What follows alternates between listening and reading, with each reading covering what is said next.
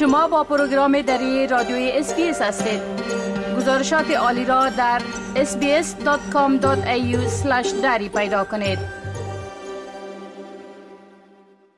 شنونده های عزیز فرد سمیت دیپلمات آوازخان و کمیدین استرالیایی یک نمایش تحت عنوان Kabul Sparrows یا گنجش های کابل شامل موسیقی و حکایات جالب مبتنی بر خاطراتش از زمان کار او با نیروهای استرالیایی در دوران حکومت سابق افغانستان را در ملبون اجرا می کند. در این نمایش شماری از هنرمندان افغان هم شرکت دارند که البته این یک گروه از هنرمندای افغان است و اونا تحت عنوان پرنده های کابل هنرنمایی می‌کنن ما اکنون راوی قاسمی و حسیبه ابراهیمی دو تن از هنرمندان افغان شامل در این نمایش هنری را با خود داریم تا درباره او معلومات ارائه کنند. آقای قاسمی و خانم ابراهیمی از شما تشکر می‌کنم که دعوت من برای مصاحبه قبول کردین. خب اولتر از همه آقای قاسمی اگر لطفا درباره محتوا ای برنامه و همچنان هنرنمایی های شامل در این نمایش مشترک صحبت بکنین. سلام خدمت شما شکیب صاحب و خدمت تمام شنونده ها و هموطنان و همزبانان ما که امیر از صدای ما را میشنوند در طریق بالخصوص شنوندای رادیو اسپیس دری که واقعا نقش خدا در قسمت اطلاع رسانی برای هموطنان ما بسیار به وجه احسن و خوب تا امروز ادا کردن و همیشه یک صدای برای مردم ما در استرالیا بودن و زحمات شما و همکارایتان. در قسمت سوال شما باید عرض بکنم که ما یک جمع از جوانان با حضور یکی از هنرمندای خوب ما که یکی دو سال اما حضورش در جمع ما باعث یک جرقه تازه هنری شد و این جمع را بیشتر سوق داد به طرف ای که ما گروهی بتانیم کارهای ماندگار و خوبی را انجام بدیم که خانم اسیبا جان ابراهیمی نیستن.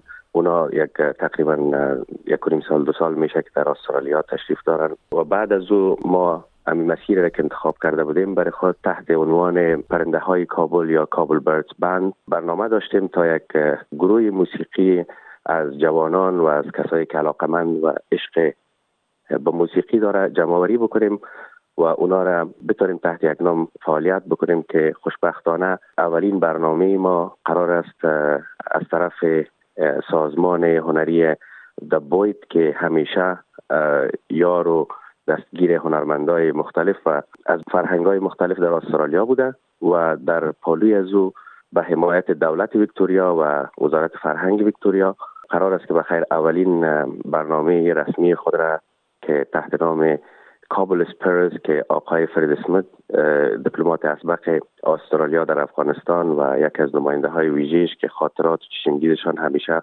بسیار مسائل دیگر از یک زاویه دیگر برای ما نمایان می سازد در کنار از اونها در لابلای برنامه ما هم یک سهم داریم و اولین اجرای خود را به خیر در اونجا انجام میتیم بله. که خوشبختانه تا امروز هموطنهای ما زیاد علاقه منجی نشان دادن و ما هم مشتاق دیدار وطندارا و هموطنهای خود هستیم. بله خب نقش شما یا نقش گروه شما در این نمایش مشترک چی است؟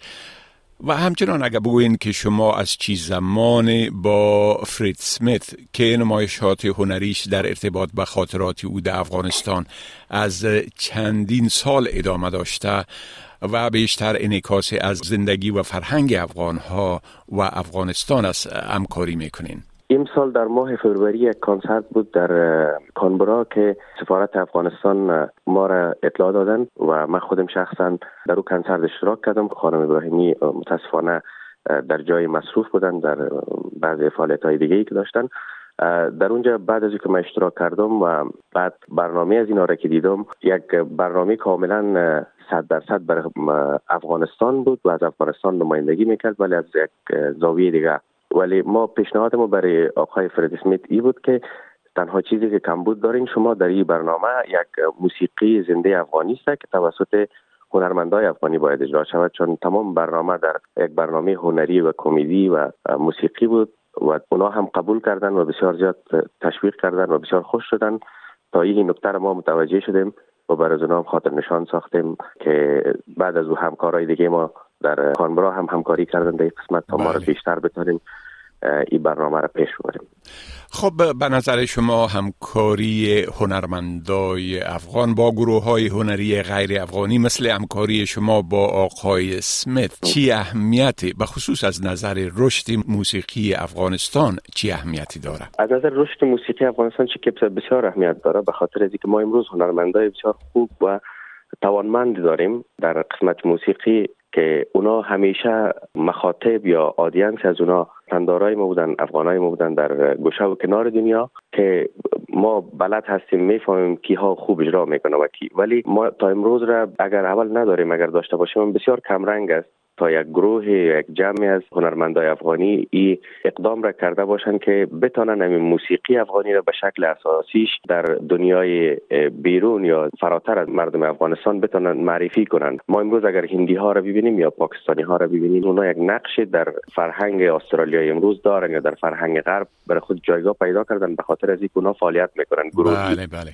ما هم هنرمندایی داریم که انفرادی فعالیت می‌کنن. خب فعالیت های جمعی تا گروهی تا فردی فرقش زیادتر است. به خاطر ما هم خواستیم تا یک صدایی باشیم بر مردم خود.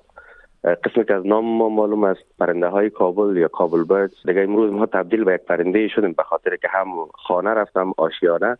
بله. اگر این صدا را از ما بگیرن فکر نکنم چیزی باقی بانه امیدوار هستیم که یک نقش خوب و مثبت ایفا کنیم در این قسمت تا صدای مردم خود باشیم. بله خب تشکر آقای قاسمی. و حال خانم حسیبه ابراهیمی. سلام مجدد به شما. ما درباره پس منظر درخشان هنریتان در وقت ظاهر شدنتان در نمایش دری با شما صحبت داشتیم. حالا اگر لطفا بگوین که در نمایش قریب الوقوع که با همکاری با فرید سمیت است شما چی نقش را بازی می‌کنین؟ سلام شکر صاحب برای شما و برای شنونده های به نهایت محترمتان تشکر از که باز یک راه دوباره ایجاد شد که من دوباره بتانم که شما و بیننده های محترمتان باز یک سخن بگویم. این رقم که من عزیزان دید خود که در این شرایطی که ما هستیم می‌بینم. همکاری ما که سمیت از این نظر بر ما زیاد فایده نشته باشه. برای خود از بر خودشان زیاد فایده داره. به خاطر که خودم به شخصا وقتی که رفته بودیم که آقای قاسمی و دیگر دوستا در کنسرت اینا و شنیدیم و دیدیم از مخاطراتشان جای خالی اینطور یک چیز هوایدا بود که یک خلا وجود داشت. وقتی که آقای قاسمی بر ما گفتن که می‌خواین که همطور یک گروپ جور شود که همکاری داشته باشن حکومت فرد اسمیت بر ما خوشایند بود به خاطر از که همینطور یک چیز ما فعلا نداریم. و فکر می‌کنم که از نظر فرهنگ سازی و حالا مثلا با داره داری چی از طریق تئاتر چی از طریق موسیقی چی از طریق فیلم والا هر چیز دیگه ای مرا خوشحال می‌سازه که بتانم یک گوشه از فرهنگ خود بر مردم خود نشان بدم. بسیار عالی. و خب. چی بهتر از از, راه موسیقی؟ خب یک مقدار اگر لطفا به صورت خلاصه درباره سابقه هنریتان صحبت بکنین. سابقه هنری بالا من چی گفتم ایتانه دوستا کم خبر دارن کوشش می‌کنم که زیادتر سرش کار کنم هنوز فکر نمی کنم در یک جای رسیده باشم که خود کت صدای بلند هنرمند معرفی کنم ولی کوششش هستم بله. تلاش کرده حالا به هر طریقش خب شما. در بخش تمثیلی و نمایشی و اکتینگ و هنرپیشگی بیشتر کار کردین تا آوازخانی بله؟ بله خب با در نظر داشته حاکم شدن دوباره طالبان متاسفانه در افغانستان که ای گروه با هر گونه هنر به خصوص هنر موسیقی و هنر نمایشی مخالفت بسیار شدید دارند درباره روند رشد هنر در آینده در افغانستان چی فکر می‌کنین؟ فکر می‌کنم تعدادی از بسیاری از هموطنهای ما از افغانستان برآمدن بیرون کسایی که بر موسیقی علاقه داشتن یا که موسیقی کار می‌کردن یا که در سینما بودن یا که فیلمساز بودن یا که در هنر بودن حالا در هر رشته ای که بودن برآمدن. و متاسفانه بعضی از دوستا هنوزم در افغانستان هستن. می‌خواهیم که اونایی که هستن کارشان زیادتر بکنن صدای خود فراموش نکنن. و اونایی که داخل از داخل کشور هنوز هستن متاسفانه نمی‌تونن که فعالیت داشته باشن. ما بر از ما یک صدا باشیم ما بتانیم صدای از ما را از این طریق بتانیم بکشیم. ای موسیقی را زنده نگاه کنیم برای از اونا که فراموش نکنن برای چی یا فعالیت داشتن. ما فکر می‌کنم که بودن طالبا یک دفعه اول ما نیست که طور یک شرایط ما پشت سر گذشته رایستیم این دفعه دوم ماست اگر که به کار خود ادامه بتیم و جلوگیری نکنیم از کار خود و هر روز بیشتر و بیشترش کنیم فکر می‌کنم اما قدر بتانیم موفق شویم که ما صدای خود از اینجا بکشیم و بر دنیا بفهمانیم که نه اگر یک دو نفر که یک ذهنیت پوچشان می‌تونن که یک چهار نفر از دوستای ما را که در کابل هستن یا در افغانستان هستن جلوشون بگیرن ما را نمی‌تونن به خاطر که ما اینی چیز است که ما وجود داریم که دو سه نفر خلاصه نمیشیم بله خب شما به آینده هنر معلوم میشه که بسیار اطمینان دارین به رشد هنر بله افغانستان. از اون خاطر است که من مثلا از هر طریق کوشش می‌کنم که یک کار مثبت در رابطه با هنر انجام بدم. چی از طریق موسیقی باشه چی از طریق acting باشه و حالا فیلمسازی. به خاطر که تنها کاری که مکردیم acting نبوده. حالا در سینما خیلی از بخشایش کار کردیم سرش. از نظر قصه نویسی و directing حالا acting حالا دیگه و در تیاتر که ما از نه سالگی کار کردیم موسیقی بدن و بیان کار کردیم. یعنی موسیقی چیزی است که باید تو او را سرش کار کنی. یک چیزی است که فرضی است بله. حالا که دوستاره که از وقتی که آمدیم در سیدنی تقریبا یک سال و چند ماه میشه که آقای قاسمی رو می‌شناسم. مدام ما در حال عزیز بودیم. مدام کوشش کردیم که چطور ما می‌تونیم یک فعالیت یک کاری بکنیم که یک زمینه ایجاد شود بر دیگران بیاین و تدریس ببینن بیاین و یاد بگیرن بیاین اگر مشتاقش هستن فعالیت کنن در این زمینه ها تعداد ما زیادتر و زیادتر شود به خاطر که ما نیاز داریم. بله. متاسفانه خیلی خیلی برای ما غم است. وقتی که استرالیا آمدم می‌بینیم تعداد اندک بسیار اندک یا که اصلا وجود نداره. کسایی که در زمینه هنر کار کرده رایستن. مخصوصا دختر خانما که ایش نیستن و نیستن.